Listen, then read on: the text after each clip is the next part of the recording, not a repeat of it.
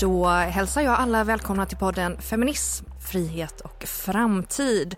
Till vänster om mig som alltid, nästan alltid, förutom en gång, Angela Havström. Ja, vadå en gång satt jag inte till vänster om dig? Då Nej, det var vi, när vi spelade in hemma hos mig Just en det, gång, du vet hemma det. hos Emma. Mm, hemma hos Emma.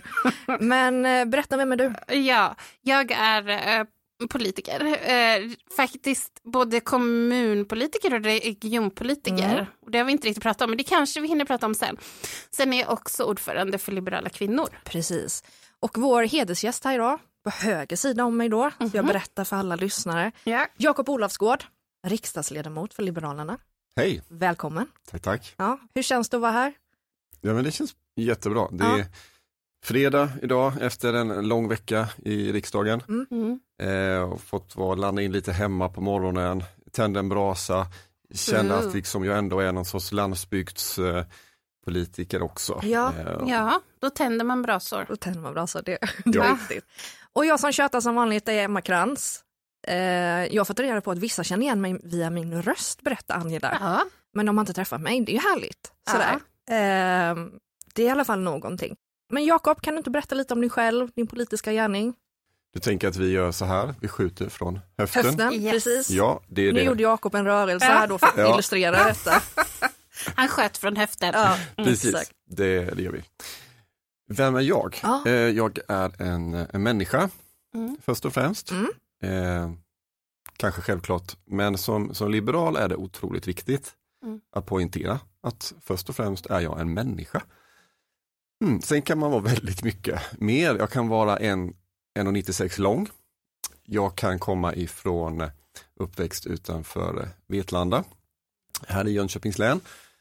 Och eh, är definitivt en, en, en bondpojk. Eh, och det, det är väldigt svårt att beskriva för den som inte har, har gått på småländska steniga åkrar och plockat sten varje vår och gått ut och eh, mjölkat korna, gett kalvarna mat efter skolan eh, och slitit ganska hårt med det eh, livet men har tagit med mig, det har ju format mig till den politiker jag sitter här idag och är. Så jag brukar börja där, sen har man gjort en del i livet ändå. Eh, är ju mitt i livet, jag har klarat av de flesta medelålderskriser. Ja, har du gjort det? Ja. Redan, för du är ju ändå ganska ung. Ja, jag började krisa tidigt. Okej. Okej. Eller som jag säger, livet är en livskris. Ja. Okej. Mm. Men varför Liberalerna? Varför Liberalerna? Mm. Jag, ah, det har också att göra med, med min uppväxt på landsbygden. Eh, man är van att vara fri. Eh, att leva som man vill, forma sitt liv som man vill. Eh, kunna uppväxt med att, eh, att jag kan göra liksom det, det jag vill. Att jag själv ska inte sätta gränser för vad jag kan och inte kan. När jag växte upp så, så kom jag hem från skolan, var kanske 12 år gammal och min pappa säger till mig, nu ska du ut och halva åken. Och jag säger, men det har jag aldrig gjort. Hur vet du då att du inte kan det?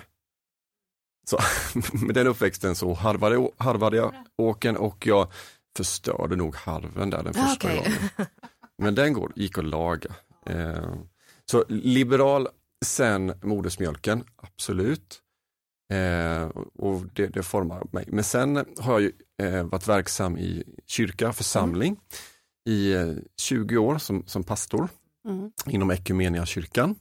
För den som har koll på bibelbältets alla olika variationer, så Missionskyrkan, eh, Equmeniakyrkan, där, där finns jag. Eh, och, och då kan man inte vara partipolitisk. Det är ganska knepigt att kliva upp en, en söndag och predika och ha en, en partibeteckning där, där Mhm. nedanför så sitter det ju hela vidden, alla Ja, olika såklart. partier. Självklart. Eh, och därför har eh, jag alltid varit politisk däremot. Och då låg ju Liberalerna där med sin ideologi och var så självklar för Mm. mig. Eh, som jag tycker idag, eh, jag ska inte säga enda ideologiska parti, men eh, som jag ser det, det, är det partiet som har, eller ett av de partier som har störst ideologisk bakgrund i eh, frihet, i demokrati, i jämställdhet. Mm. De frågorna är bottnar vi. Inte, vi är inte, vi är inte ett, ett intresseparti först och främst. Nej. Lite ideologiskt parti. Som exempelvis om man har en, egentligen en, en, en fråga, alltså exempelvis ett, en miljöfråga eller någonting sånt.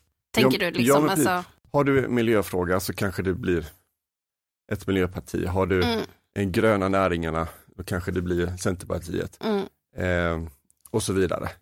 Eh, har du intresse för arbetarfrågor, ja, om man nu landar i Socialdemokraterna. Men i Liberalerna så börjar man inte i intresset. Man börjar i eh, livssyn, ideologi, värderingar. Bra sagt. verkligen, jag tycker det här var faktiskt väldigt intressant. Kan vi ha ett eget avsnitt om det här?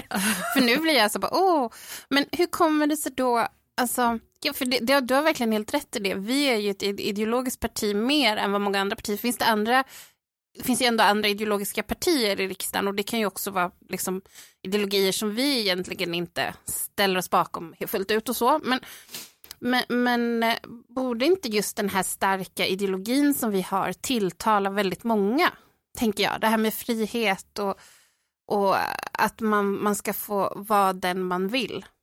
Jag, för jag tänker, jag är nästan helt Jo. säker på att det tilltalar många, så då kommer min nästa fråga. Vi har ju haft det lite kämpigt, även om vi alla är övertygade om att vi kommer att göra ett fantastiskt val, för det är jag faktiskt. För det är ju som underdog som man faktiskt verkligen kan göra skillnad.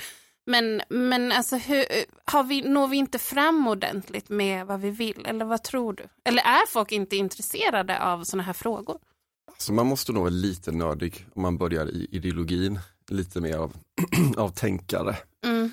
Eh, för det som berör, ursäkta, det som berör eh, människor eh, överlag i samhället, det är någon, någon, någon grej, någon sakfråga. Men det här tycker jag.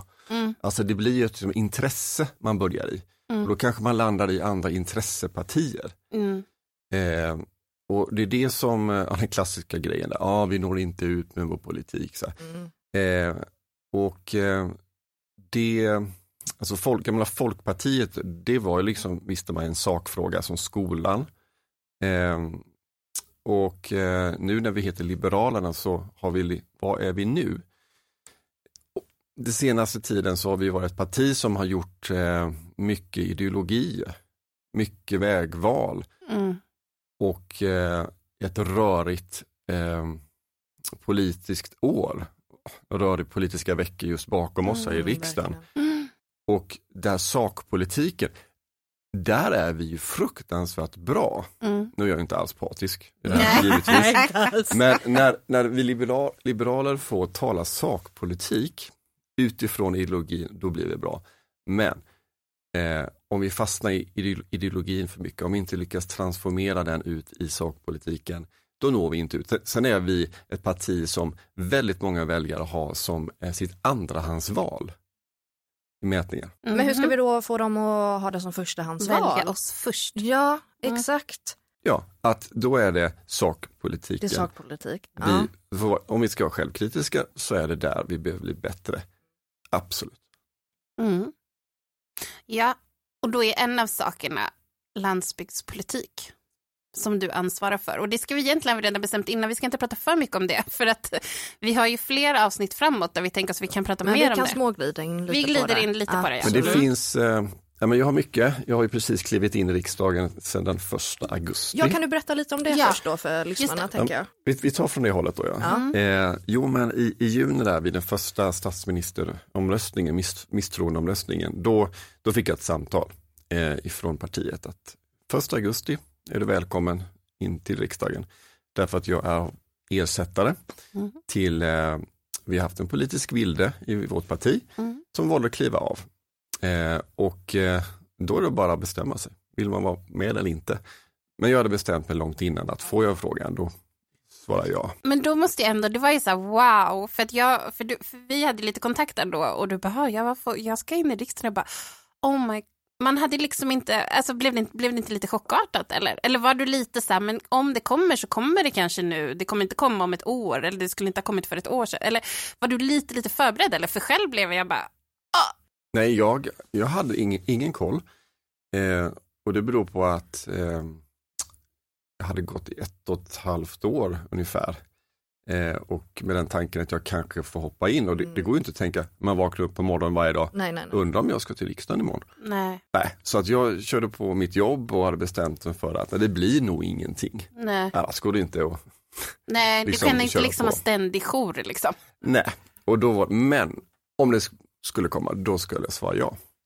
Eh, så det gjorde jag. Och familjen var med på det där och allting. Exakt, Ja. och det är det som är, det inte går annars. För Nej. politiker är ett, en, ett uppdrag, det är inte ett jobb, ett arbete, utan det är ett förtroende. Jätteviktigt. Mm. Och det är bara ett förtroende. Och det byggs upp på olika sätt, kan Mm. man skapa sig det där förtroendet. Mm. Eh, vilket gör att har man inte familjen bakom sig, eh, det, det går inte. Det jobbar motvind. Så den första augusti så, så tillträdde jag. Eh, augusti är en ganska lugn månad inom politiken. Fråga bara, får, alltså, arbetsgivaren har ju vetat hela tiden att du har varit ersättare och du, din, fru, eller din familj har vetat det och ni har kommit fram till att får du det här uppdraget då kör du. Men var det något, alltså, jag vill inte hänga ut någon arbetsgivare eller så, men var det, så här, var, det- var det helt enkelt för dem bara kör eller blev det så här, oh, hur ska vi lösa det här? Eller hänger du med på hur jag menar? Lite så. Men det kanske Ja. var, Enligt lag Ja. så får man inte Yes. säga nej. Så att det Nej. var, och, eh, och de kunde inte styra, nej men kan du börja första september istället? Eller så. jag, jag skulle kunna sagt på fredagen, hej på måndagen kommer inte jag. Ah, okej, ah, ja men då var ju det ändå en och en halv månad innan. Ja, ja men det var det. Ah. Sen har min arbetsgivare vetat om det och eh, det var också lite oro. Hur ska man reagera? Hallå, det är mitt Mm. jobb. Och man blir alltså tjänstledig och går in i det här jobbet, eh, uppdraget Mm. och då om man ska sen gå tillbaka vill man ha en god relation. Mm. Och jag eh, trivdes så fruktansvärt bra så att Mm. jag var mån om det. Men möttes av en från mina kollegor och från min chef med att wow, vad, vad stolta vi är Ja, över dig. Vad härligt. Så det var otroligt skönt. Och kanske också, nu vet vi vem vi ska rösta på, förhoppningsvis. Ja men lite, lite mer så här, ja men tänk att vi har närt en riksdagsman vid vår barm. Typ. Om vi ska citera. Nu fick jag så här bilder framför mig. De ska vi inte beskriva. Det, det finns annars en liten, eh, en liten serie på julafton som, jag, sit- som är var ett citat därifrån. Men Ja, den, den- exakt. Vi får titta på julafton. och som har att göra med helt annat politisk ideologi. Ja. Det blir film nu i år med. Ja, Ja. eh, Ja. och vi pratar alltså om Karl-Bertil Jonssons jul. Har jag närt en kommunist vid min barm? ja. Ja, härligt. Men jag, ja. jag fick en god start i alla fall i augusti, ett par veckor där jag sprang runt uppe i Stockholm i alla riksdagskanslier eh, och lärde känna eh, hur det fungerar. Framförallt lärde jag mig hitta i de här Mm. katakomberna. Jag gick Mm. vilse hela tiden. Eh, för mellan, eh, alltså under riksdagshuset, mellan de olika kanslierna som ligger på Gamla stan, så går det eh, underjordiska gångar. För att man ska slippa att springa utanför. Mm. Utan, och man är också säkerhet, att man, eh, Mm. vi kommer innanför ett skalskydd och där kan vi röra oss fritt och det är Mm. inga, bekymmer. Eh, så det var väl det jag gjorde, lärde Mm. mig hitta och, och eh, landade. För sen när riksmötet hade öppnat där 16 september, då var det som att eh, jag blev nedsatt springande. Så, eh, Mm. så att det var bara som en Duracell-kanin att gå igång eh, i 110 knyck på en gång. Därför att sista eh, året på mandatperioden Mm. Eh, och eh, lite så jag kände att nu har man inte haft eh, någon riksdagsledamot från Liberalerna i Jönköpings län eh, på ett tag. fanns mycket att jobba igen, Mm. vilket jag all in, jag hade mycket Mm. energi där så att jag körde järnet. Ja. Har gjort. Ja, för du har ju varit med i sådär en hel rad olika debatter. Alltså det är typ var och varannan dag riksdagsdebatter tänker jag. Du måste ju vara så proffs nu, eller? Eh, I vår riksdagsgrupp då i Liberalerna så, så är jag den som har haft flest debatter under Oh. hösten. Ja. Och det var liksom, tack för den. Eh, du är ny, kan du ta det? Kan du ta det? Kan du ja, visst jag kan ta det. Men jag kände att debatter, det är ju inte helt olikt att eh, stå och ställa sig om predikan en söndag. Det kan jag. Tala inför folk är inte knepigt. Plenisalen, alltså där vi kammaren sammanträder, det, det är inte mycket större än min kyrka hemma här i Jönköping. Nej. Eh, så jag tänkte så och eh, det har funkat bra. Däremot så ska du ha någonting politiskt budskap. Ja. Den lilla detaljen. Jag skulle precis komma till Den det. lilla, lilla. Ja. Men ja, men precis, man måste ha ett politiskt budskap, annars är det svårt. Alltså det är lätt att man inte blir tagen seriöst. Men hur har du hunnit med, för då, berätta lite, för du har ju egentligen två uppdrag kan man säga. Jag har två tydliga uppdrag som egentligen är tre. Jag sitter i miljö och jordbruksutskottet eh, där jag fick kliva in. Eh, de sa äntligen har vi en, en bondpojk i Mm. riksdagsgruppen. Eh, eh, därför att många riksdagspolitiker kommer ifrån städer där man har ett starkt stort mandat. Mm. Det gäller alla riksdagspartier. Och det kan vi komma till sen varför kanske landsbygden inte har, har så stort fokus. Men Mm. en av de sakerna är faktiskt det att om jag lever nära eh, någonting så, så talar jag mig varm om det. Mm. Så miljö och jordbruksutskottet var ju bara såklart och det var inte det jag tänkte när jag ställde upp i valet för, för tre år sedan, att Nej. jag ska sitta i miljö Nej. och jordbruksutskottet. Nej. Men när du kliver in eh, är man ju medveten om i slutet på en mandatperiod, då gäller det bara, vad behövs jag? Mm. Såklart. Det var min ingång. Mm. Mm. Eh, att man får vara liksom ändå lojal. Så det var det. Sen eh, förutom i kyrkan har jag jobbat de tre sista åren eh, inom eh, bostadsbyggande av flerbostadshus, Mm, trä, mm. träbyggnation. Eh, och då var det ju dessutom så att man uttryckte att ja, vi behöver någon som är lite, har lite koll på bostäder också. Mm. Kan du ta det också? Och då är det civilutskottet som jag ersätter i också Mm. när det gäller bostäder. Så eh, i den här, eh, efter pandemin så har man verkligen uppmärksammat att landsbygden har fått för dåligt fokus. Mm. Att ja, Stadsborna kom på vid en pandemi att ja, men landsbygden finns. Ja, vad trevligt. Ja, Alltså, ja. jag vill ha ett fritidshus där. Och Ja. nej, det finns ingen riktig service på landsbygden. Nej. Det behövs göras mycket. Ja, det är lite komiskt. Det har det ju talats om rätt länge men det har ju varit eftersatt på landsbygden då. Och, Ja. Men jag tänker precis det har talats om det, men det är nog först nu när man känner, eller det finns säkert många som känner så, oj vad många vi var som bodde i stan, eller liksom så här, hur kommer vi ut på landsbygden? Och det är klart, det kan vara lite svårt att komma ut om det inte finns ordentligt med kollektivtrafik och, och det inte finns kanske den service som man är van vid. Du, du köper det här, det här fritidshuset på landet och du vill jobba hemifrån. Ja, Så du upptäckte, va? Har de inte bredband, fiber på landsbygden? Vad är detta? Så här kan vi inte ha det. nej. Nej, men så har vi haft det länge, säger man Mm. på glesbygden då. Så eh, landsbygdspolitisk talesperson och Ja. bostadspolitisk talesperson, Mm. det är liksom mina etiketter. Men eftersom man sitter i miljö och jordbruksutskottet så är också han ansvar för miljöfrågorna. Det finns klimat och miljö. Mm. Vi har en klimatpolitisk talesperson, Helena Gellerman i vårt parti. Just det. Sen finns det ju alltså miljöfrågorna, det har en liten annan eh, ingång i det här. Då värnar man eh, med fokus på just eh, på, på skogen, på fisket, på havet, på vattendragen, Typ på djuren. biologiska floran. Biologiska mångfalden just pratar vi jättemycket Mm. om. Eh, på arter, djur, djurskydd, hotade Mm. arter. Eh, så den miljöaspekten och i, vi försöker ju föra ihop klimat och mi- miljö. Ja. Som jag Mm. säger, liksom, vi ska prata om klimatet. Ja, ni menar att vi ska prata om naturen? Mm. Eftersom man är uppväxt i naturen så gick inte jag ut eh, hemma på gården och sa nu ska jag gå ut och titta på klimatet. Nej. Eller nu ska jag gå ut och kolla hur miljön mår. Nu ska, Nej. jag, nu ska jag gå ut i naturen, Ja. i skogen. Men så tänker vi nog alla egentligen. Ja, Oavsett inte- var man är uppväxt. Inte eller? politiken. Nej, okej. Men du, jag tänker på det här, du sa att du var ersättare i civilutskottet. Och då ersätter du en annan liberal då? Eller är det så att vi bara har en ersättarplats? Då har vi en ordinarie i Mm. det utskottet. Eh, och civilutskottet behandlar väldigt många olika saker. Det är konsumenträtt eh, och lite av varje. Vilket, men så fort det dyker upp bo, en bostadsfråga i civilutskottet, då poppar jag upp där. Ja, precis. Men i miljö och jordbruks, jordbruksutskottet så är jag ordinarie. Mm. Då är det jag som sitter eh, och har de frågorna och eh, behöver jag hjälp från någon annan får jag plocka in den. Eh, men som det är nu så känner jag att jag, ja, men jag kör allt där. Sen finns det gäller landsbygden så är det mycket frågan om de gröna näringarna. Eh, men också hur, för småföretagsamhet och annat på landsbygden. Och då är jag också ersättare i eh, näringsutskottet. Ja. Mm. Eh, och de här tre utskotten gör ju att eh, landsbygd, miljö, bostäder dyker upp i debatter.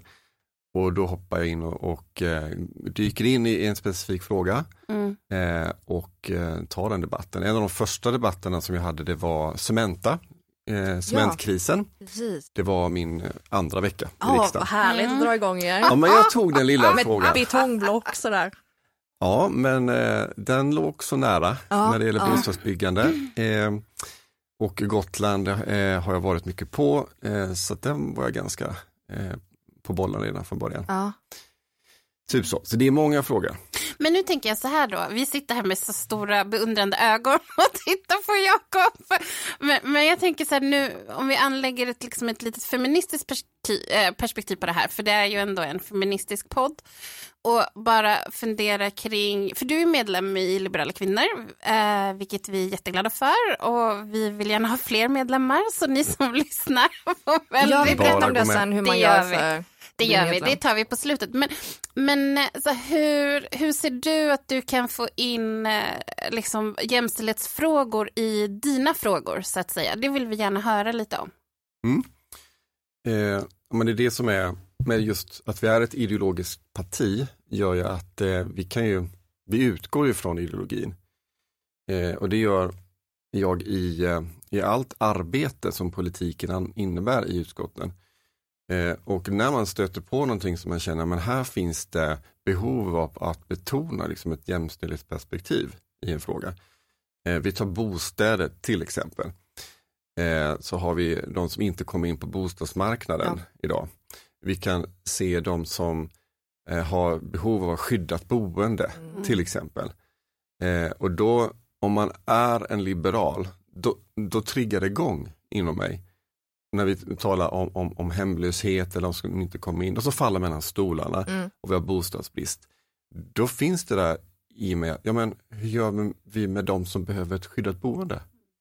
Som behöver kanske på dagen Mm. bara lämna hus och hem och ha ett, ett, ett, en lägenhet, ett hus att komma till. Mm. När vi inte har något, något hus, då måste vi ju liksom eh, ha ett socialt bostadstänk där vi har eh, reserverat en, en, pott bostäder för de som behöver skyddat boende. Mm. Och hur löser vi det med politiska medel? Mm. Någon form av sociala kontrakt eller att vi har kontakt med eh, eh, organisationer, civilsamhället som jobbar med de här frågorna. Att man skapar förutsättningar för det. Mm. Så bostadsbyggande.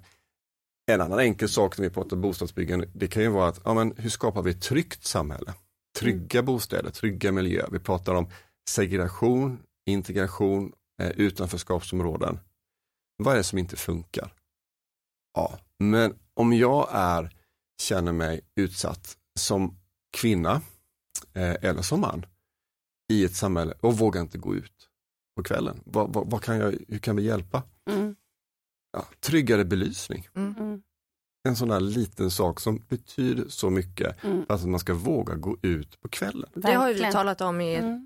Förra har vi. Ja, säsongen. ni har det? Ja. ja. Mm. Vad Ja, skönt, då var men- jag rätt på bollen då. Ja, men absolut, när det gäller just, nu har inte, du, har inte, du kanske så stadsutvecklingsfrågor på det sättet, men när det gäller, det är väldigt viktigt att anlägga ett jämställdhetsperspektiv, det, och det tror jag man Absolut. också har missat det här. Det är därför som det finns områden med dålig belysning och det är därför som det finns kanske de här lite läskiga tunnlarna och sådana där grejer. och Otrygga där tror platser. jag, ja, otrygga platser. Och där Ja. tror jag kanske särskilt i lokalpolitiken, och det arbetar vi ju mycket med, exempelvis jag och David Gerson som är ja, vår, vår eh, talesperson i rådhuset här i Jönköpings kommun. Vi har ju gått en trygghetsrunda, eller belysningsrunda gick vi i våras för att titta på i ett område, Dalvik, var, var det saknas belysning. Och nu Mm. börjar den här belysningen som, som vi upptäckte fattades komma på plats. Och det är ju väldigt, det känns så härligt att veta att nu har vi verkligen så här rent praktiskt lyckats Och göra ni, saker ni och ting hittade bättre. pengar till det.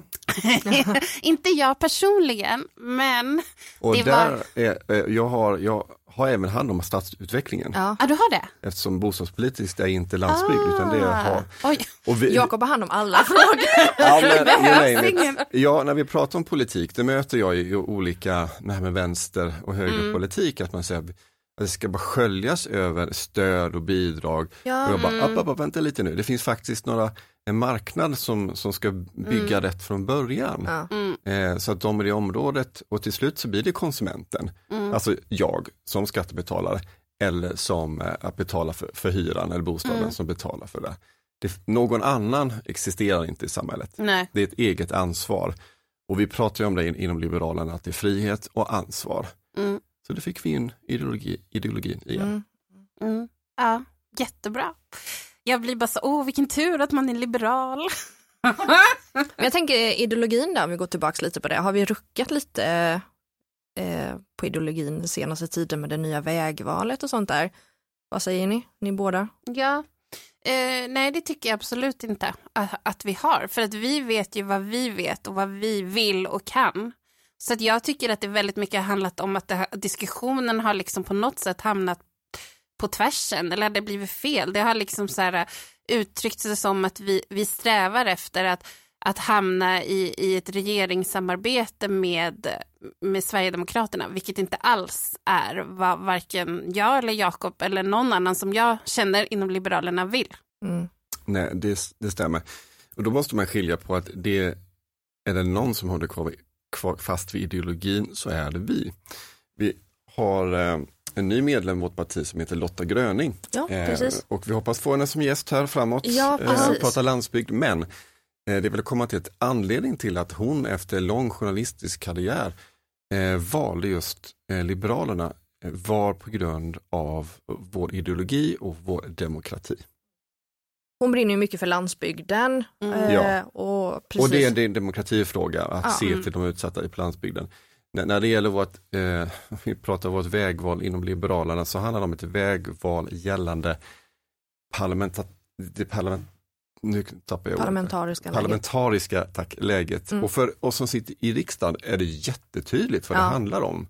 Hur ska vi få igenom våra förslag? Mm. Eh, men för gemene man där ute Mm. så är det här, kan det upplevas som förvirrande Och rörigt. Ja. och rörigt. Och därför måste vi bli i en valrörelse som kommer nu tydliga med att förklara vad är det vi handlar om. ja, precis. Mm. Det är ju en liten eh, hemläxa att göra Mm. helt enkelt. Vi måste bli tydligare Ja. mot, eh, mot väljarna. Mm. Men när vi ändå är inne på det här, för det är en väldigt viktig diskussion som, Ja. du, som du lyfter. Eh, du har fått den frågan förut, för vi hade en väldigt trevlig träff här som vi egentligen borde ha en sån snart igen. Vad, vad kallar vi den för? Fråga din riksdagsledamot eller liksom ställ din riksdagsledamot mot väggen skulle det kanske ha hetat, för det var många heta frågor som Ja, kom upp där. jättebra. Det var hur bra som helst, men då fick du faktiskt också svara på frågan, så här, vad är dina eller jag vet inte hur, exakt hur frågan löd, men det var så bra det du berättade om dina egna röda, vad säger vi, linjer. Vill du bara, jag tycker det vore bra om du utvecklar det här i podden. Ja, och eh, man talar att det finns lite snack om inom media om röda linjer. Mm. Eh, och det är inte alls liberalt att tala om röda linjer. Känns inte Nej, särskilt nej, det- frihetsmässigt att ha begränsningar. Utan det jag lyfter fram det är blå linjer Mm. i så fall. Och då handlar det om ideologin och värderingar. Mm, Vad betyder att vara liberal? Mm, Och när jag vet vem jag är, när jag är trygg i mig själv, eh, trygg i de värderingar som jag har, då, eh, det är så jag arbetar inom politiken i mitt utskottsarbete när jag möter förslag från höger och vänster. Då står jag där och, och hela tiden har mina antenner ute, känner in, är det här förslaget, eh, stämmer det överens med mina grundvärderingar som liberal? Demokratifrågor till exempel. Eh, eller vi kan ta fria ordet, public service, om vi diskuterar det. Ska vi ha ett public service? Är det bra eller ska vi bara låta släppa det till marknaden? Då känner man att nej, men det behövs, för det är otroligt viktigt att det finns ett, ett fritt eh, media på det sättet som public service är och ska vara. Och det ska vi hela tiden vakta och värna. mm, Och då är det mina blå linjer, någon kommer säga så ah, vi ska dra ner på, på, på public service här. Och då säger jag bara upp, upp, upp, den går inte. Nej. För att jag har mina blå linjer. Mm, Eh, sen om någon vill uttrycka som röda, fine med dem. mm, Men jag är mer positivt tänkande att jag är trygg där. Eh, och det är otroligt viktigt att vara trygg i dem när man kommer i samtal med andra partier. Vi har uttryckt att vi ska samtala med alla. Det första jag gjorde i mitt utskott förresten, Mm. det var att samtala med vänsterpartist Mm. angående miljöfråga. Mm. Det är sakfrågor det kokar ner till hela tiden. Eh, och, eh, i- Tyckte ni samma då eller? Ja, eh, för de har lä- lämnat in en reservation mot ett beslut och jag läste den texten och kände, men det är ju så här jag tycker. Och det, sådana saker är det inga problem med. Vi sitter med skogspolitiken och diskuterar och det är jättemånga olika saker. Men där kan, kan det absolut finnas en fråga där jag eh, klaffar väldigt bra med högern Mm. om att det ska finnas eh, frivillighet i, eh, i skogsägandet eh, och att värna äganderätten. Mm. Och där sitter jag och tycker som, som en, en kristdemokrat och en sverigedemokrat. Mm. Och då känner jag av, är det här utifrån min ideologiska kompass? Jajamän, i ett sakbeslut. Och då kan jag ju inte säga att nej, jag kan inte gå med på den beslutet i mitt utskott för att jag tycker generellt illa om, om, Nej. om den personen Mm, nej, som sitter där med sin politik. Och jag tittar ju på förslaget. Mm. Är det bra eller är det inte? Mm. Jättebra. Men det är kanske inte bilden väljarna får utåt. Utan jag tror att de tänker att politikerna är rätt eh, småaktiga och går mer på ideologin att jag kan inte samtala med den här Men personen beroende de, på politisk eh, Jag färg. ska inte nämna vilka partier, men det finns Nej. de som parti eller, eller Ja. kollega som eh, spelar ingen roll vilket förslag en vänsterpartist kommer med så, så bara eh, dissar man det. Ja. Mm. Och eh, även när det är sin egen politik. Det blir så fel då tycker jag. Och det är det, Det är som bara jag tror ett också, ja, Ja. Och det tror jag också kanske att egentligen att väljarna, liksom invånarna också tycker det är rätt så dåligt. Alltså, för att jag menar ett bra förslag är ett bra förslag oavsett vem som kommer med den. Det finns ju eh, ett, ett antal länder som har vissa grundläggande värderingar, eller de, jag ska inte säga att länderna har det, men de partier som nu, nu styr i de länderna har ett antal grundläggande värderingar som går totalt emot den eh, liberala ideologin och som är förkastliga. Vi pratade exempelvis om det här med att inskränka aborträtten i Polen eh, och vi pratade lite om Ungern och sådär. Alltså kan du bara lite försöka hämta hem det till hur vi skulle göra här i riksdagen. Alltså för det tror jag, så, alltså sådana som, som, som är socialliberaler, så som du ju också är, men de som har varit lite så kritiska, nu pratar jag egentligen inte om våra eh, partikamrater, för här har vi kommit överens om nu en väg som funkar och vägen framåt, men jag vet att andra Alltså, jag har några socialliberala väljare och vi har diskuterat väldigt mycket det här Ja, men, så här, men tänk om och Sverigedemokraterna de tycker si och så. Alltså, kan du bara beskriva hur vi faktiskt kommer att skydda,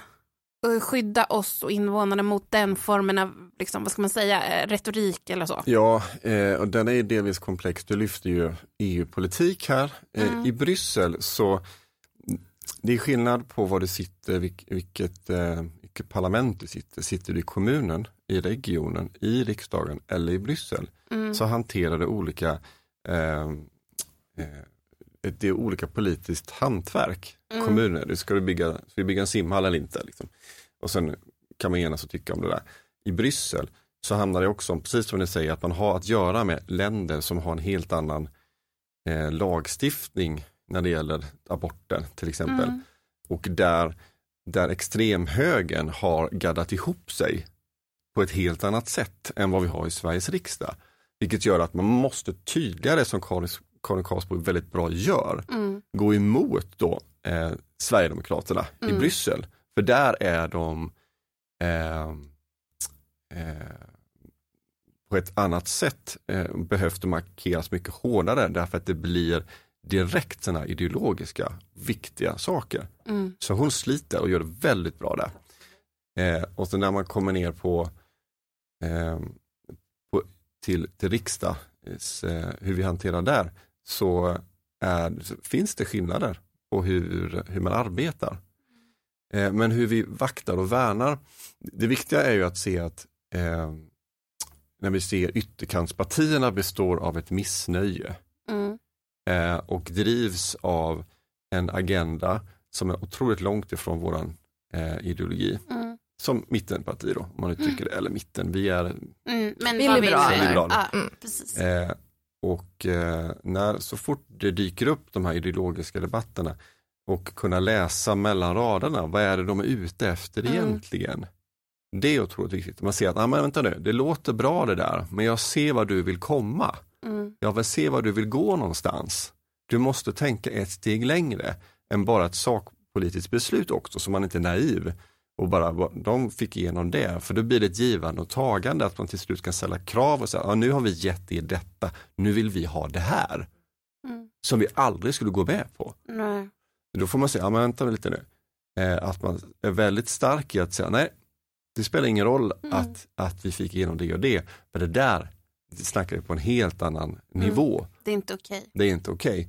Och där är, har vi ju sagt att vi ska vara en liksom liberala vakthundar. Mm. Vi ska vara ett ankare i mitten mot högerextremismen. Mm. Och då kommer det parlamentariska läget in, Mm. att vi ser, vi har ingen bred mitten. Nej. Ursäkta Annie Lööf, min kära bänkgranne i riksdagen för övrigt. det, Vi just det. goda vänner där, Ja. eh, möts eh, ett par dagar i veckan där. Ja. Mm. Och, eh, för det, eftersom 30 procent idag i opinionen lägger sin röst på ett ytterkantsparti, en tredjedel Mm. ungefär, så kan man inte vifta bort dem. Eh, det, det går inte, vi kan Nej, inte få ihop det. Vilket gör att, ska vi gå åt vänster eller höger för att få igenom vår politik, eller ska vi st- stå kvar i mitten? Och det är oppositionsroll, det bestämmer sig- man sig för efter ett val, Mm. när man ser att det gick inte. Nej. Vi drog våra gränser, våra Mm. blåa linjer eller röda Mm. linjer och så här, vi stod där. Men ser man att nej, det går att hålla dem, för vi höll stånd emot ytterkanten. Mm. Eh, så ser vi att i en liberal borgerlig regering så kan vi få igenom mer av våra liberala ideologiska eh, politiska beslut än genom en socialistisk vänsterregering.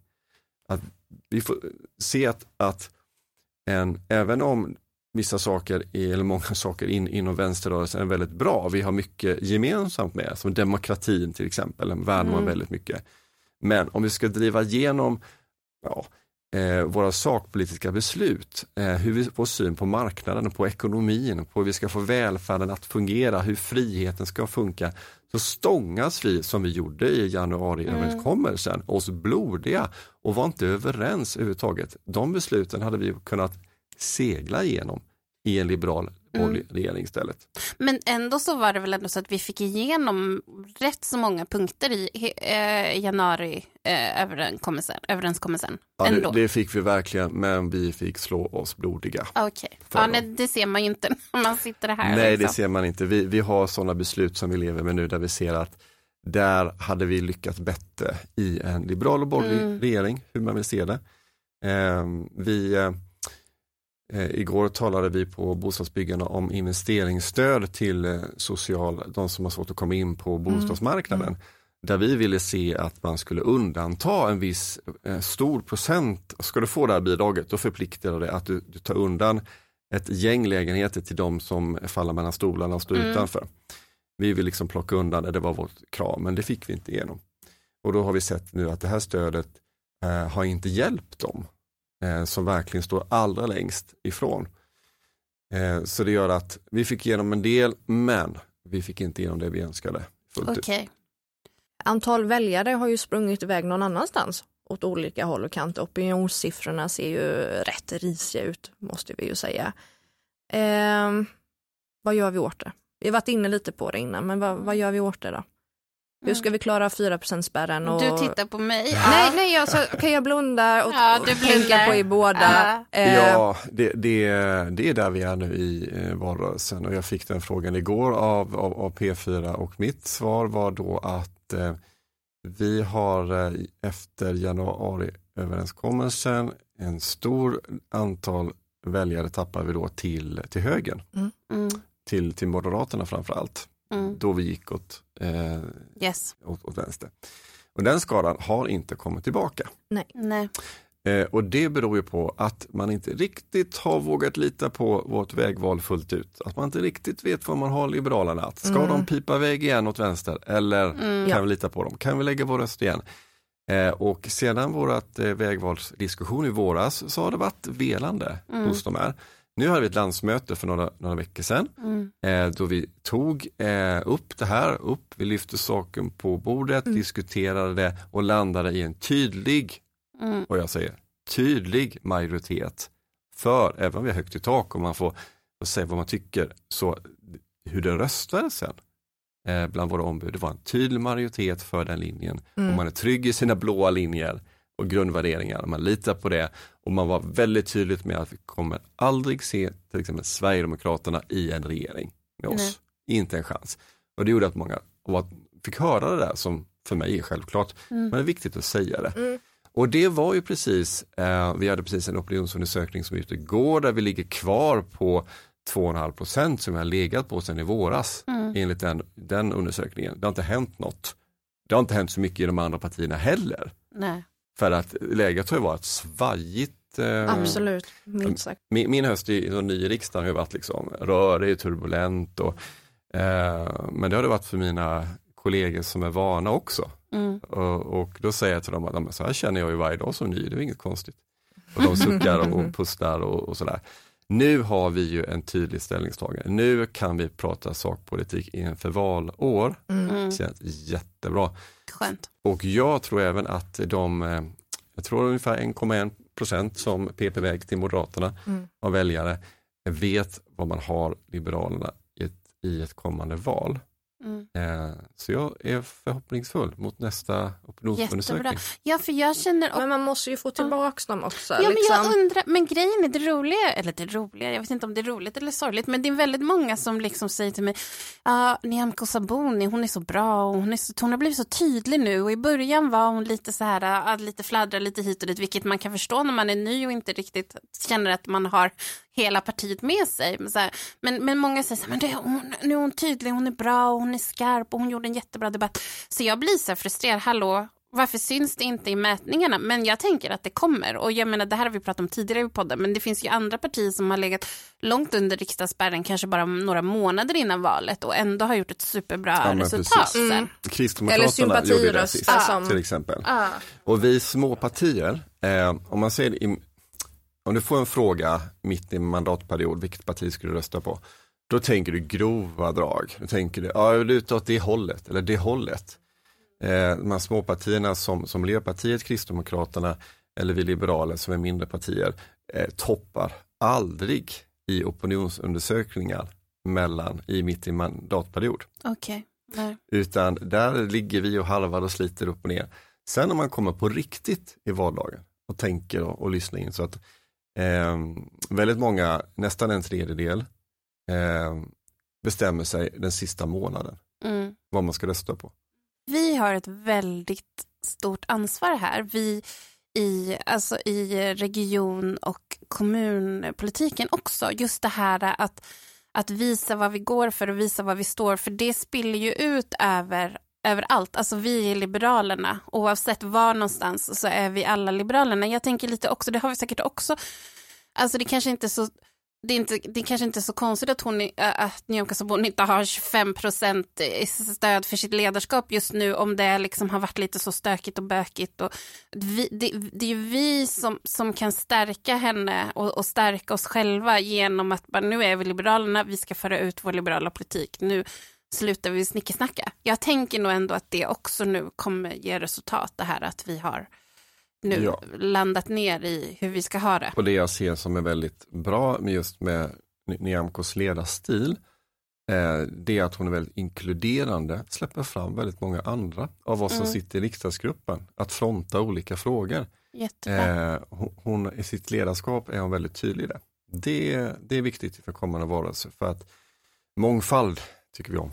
Mm. Jag tänkte på det Angela, du sa att eh, vi är väldigt tydliga med vad vi står. Men vet väljarna det då? Mm, men vi tycker att vi är väldigt tydliga. Men okej då, vi kan bli tydligare och vi ska ju vässa vår kommunikation. Ja, Är det ett tillräckligt bra svar? ja vässa kommunikationen då. Ja, mm, faktiskt så kommer vi ändå, vi satsar ju ändå på kommunikation nu här nästa år. Det kan vi säga. Vi har ju i vår i vårt länsförbund så har vi ju en, en ny ombudsman, Peter, som eh, verkar helt fantastisk. Jag är jätteglad att ni har rekryterat in honom. Och sen så kommer ju regiongruppen satsa mycket och ha en egen kommunikatör och sådär. Alltså, så jag tänker att det kommer, det, vi ska vässa kommunikationen. Men Det- bra att du säger det. Hårt arbete är det att Ja. jobba upp det igen. Det kommer inte Mm. bara tjoff vända på en opinionsundersökning. Därför att skapa eh, bilden av var vi står, det är ett arbete i sakpolitik eh, som, som behöver göras. Mm. För jag är själv, ehm, jag har varit med i LUF från början och gått ur och in i partiet. ehm, och jag Och nu är du inne. igen. Nu igen. inne. Och jag tillhörde nog den typen av väljare som är sådär, jo men ideologiskt så ligger jag ju Liberalerna. Eh, nu pratade jag tydligen inte i micken då, men eh, Liberalerna ligger ju mig eh, nära till hjärtat eller varmt om hjärtat, men jag har också känt att eh, det har varit lite kappvändande, för att vara ärlighet en skull. Jo, det, det och känt en, att jag eh, inte riktigt liksom, känt mig riktigt hemma, om jag ska vara ärlig. Och det kan det vara, eh, jag förstår precis vad du menar, för som ideologisk liberal så har man, jag tänker alltid någon i andra ringhörnan där, hur, hur, och eh, det är någon som man ändå har liksom en respekt för. Jag vill inte säga att man, man, man är rädd för den, att en rädsla som styr är inte bra, men för att man tycker att ja, men den eh, viftar vi inte bort, den här motståndaren vi har mot vår ideologi. Och så fort man inte känner sig liksom trygg i sin egen ringhörna, då, då, då skriker någonting inom en. Eh, så jag tror det är de känslorna som gör, och jag tycker det är väldigt skönt, och du är inte ensam om att gå in och ur Liberalerna, för man är väldigt tydlig, man tycker och man reagerar. Mm. För att vi har, vi har den friheten att få göra det. Vi Mm. har högt i tak. Jag tycker det är bra tecken Därför på... kändes det ju väldigt, det var mer självklart för mig att gå med i Liberala kvinnor, för det var, Mm. det var mycket tydligare för mig och det var där jag ville liksom arbeta Mm. och stötta på ett annat Och det sätt. gör du ju verkligen. Du är en sån himla klippa och det här med podden hade vi aldrig kunnat genomföra utan dig. Så tusen tack för det. Det var inte dit jag ville komma att få det här smickret, men tack dito. ja, det är superkul att göra den här podden. Men jag tänker, vi börjar, det börjar så här dra sig mot sitt slut, men jag skulle ändå bara vilja, för du sa så här, eh, em, det här med inkluderande och allt det där, men hur har det nu blivit? För det har varit en diskussion faktiskt eh, i, i en medlemsgrupp eh, på sociala medier, eller på, på Facebook, just om det här att att i, i just nu i vår riksdagsgrupp så är det fler män som har uppdrag än kvinnor och då pratar jag om så här sakpolitiska uppdrag. Kan du bemöta det? Du har dessutom två. Och det är ju, vi har ju förstått varför, för du har väldigt tydlig förankring i båda de här områdena, men kan du bara lyfta det, alltså hur bemöter vi det liksom? Eh, alltså det där är ju ett pussel som jag såg när jag klev in i riksdagsgruppen. Att man har de här områdena, vi har de här Mm. utskotten, vi har de här människorna. Mm, Eh, och de här människor som jag som har ett väldigt, jobbar mycket med människor, har ett socialt engagemang. Eh, eh, själv inte såg att, okej, miljö och jordbruksutskottet, där ska jag vara.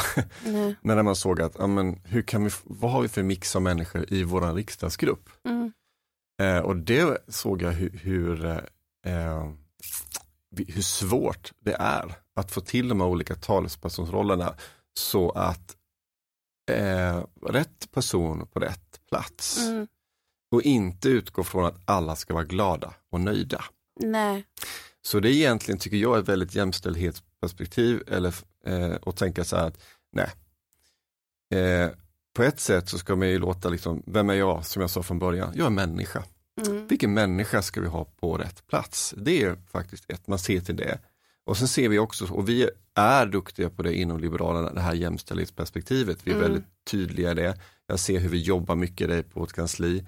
Eh, vi har andra saker, hur man skickar fram folk och ställer frågor till våra ministrar mm, och ser att vi hittar jämställdhetsperspektiv. Vem, vem Mm. hur har vi det nu här? Vi, vi, Mm. vi mäter väldigt mycket detta. mm, Men- bra. Och sen när det kommer till, till den här talespersonsroller, då eh, har det bl- blivit så att de här, Men det, för det har ju också varit en diskussion här, bara över, överlag, just de senaste veckorna har vi haft lite diskussioner där också. Just det här, alltså det är ju, man rekryterar, kan man kanske inte kalla det för, men utifrån kompetens och inte kön.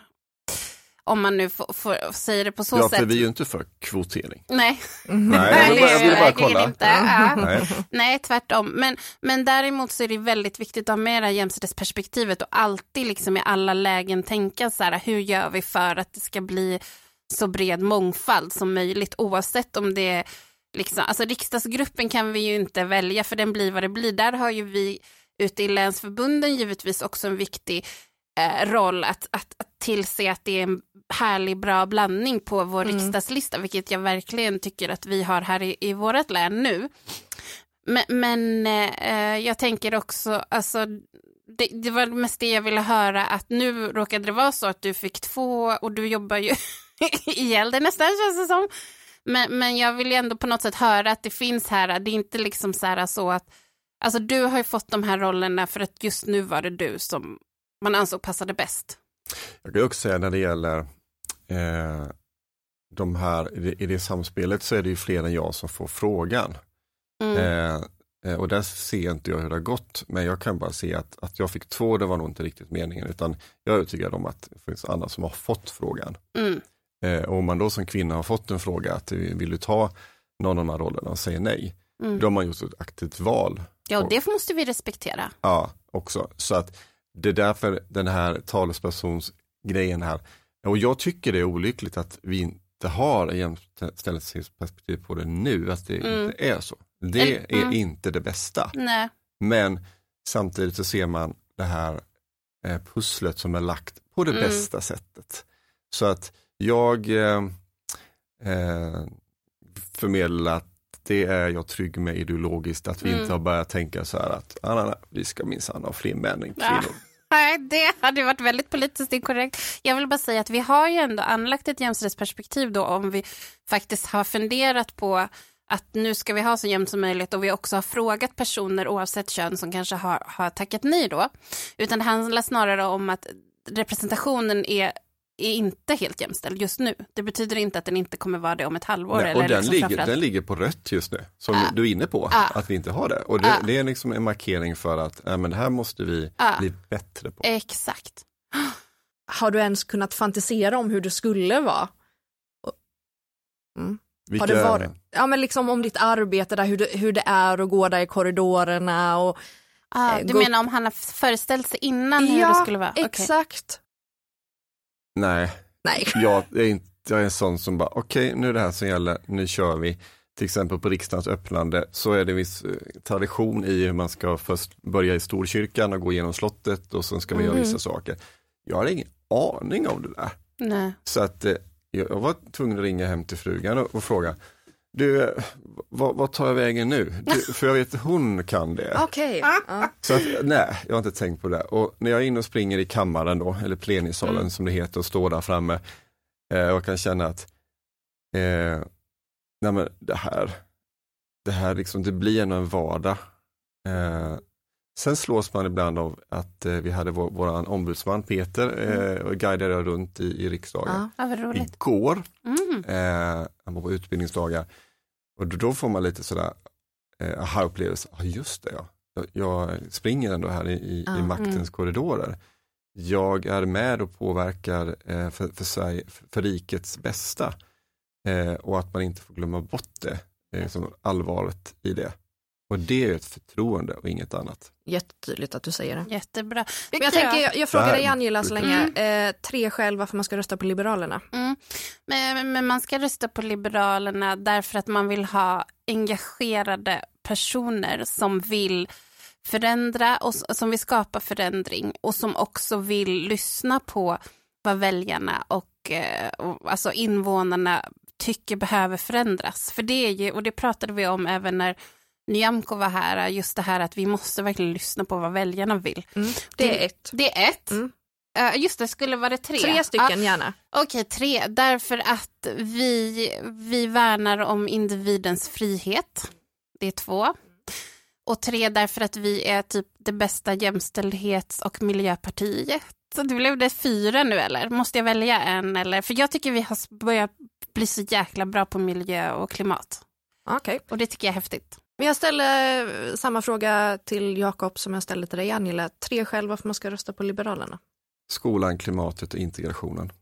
Det var lite kortare svar Det var lite och- kortare, och Angela ja. la ut det lite mer. Men det är trevligt med variationen där. Det kanske är så Jakob och jag är. I och för Ja, sig är ja. det egentligen jag som är kortare än vad Jakob är, men just när vi ska uttrycka Till oss att- kanske det är tvärtom. Ja, men det är fint det med. Ja. Är det någon som vill tillägga något innan vi... Nej, jag tycker vi har fått med ganska Ja. mycket. Jag känner också att vi kan nästan inte dra ut på tiden mer, för då kommer lyssnarna bara, hallå, kan de bara sluta Nej, snacka? men jag, jag vill bara lägga till Ja. att det, man är jättevälkommen att höra av sig till mig. Mm, Jag Bra. är deras röst i riksdagen. Kanon. När jättebra. vi skrev motioner nu, eh, allmänna motionstiden med enskilda motioner, så slängde jag ut frågan på Facebook och sa, tycker du något som inte, Ja, att det inte mm. fungerar i samhället? Jag fick in tre stycken bra förslag som jag gjorde till enskilda motioner som jag har lämnat in.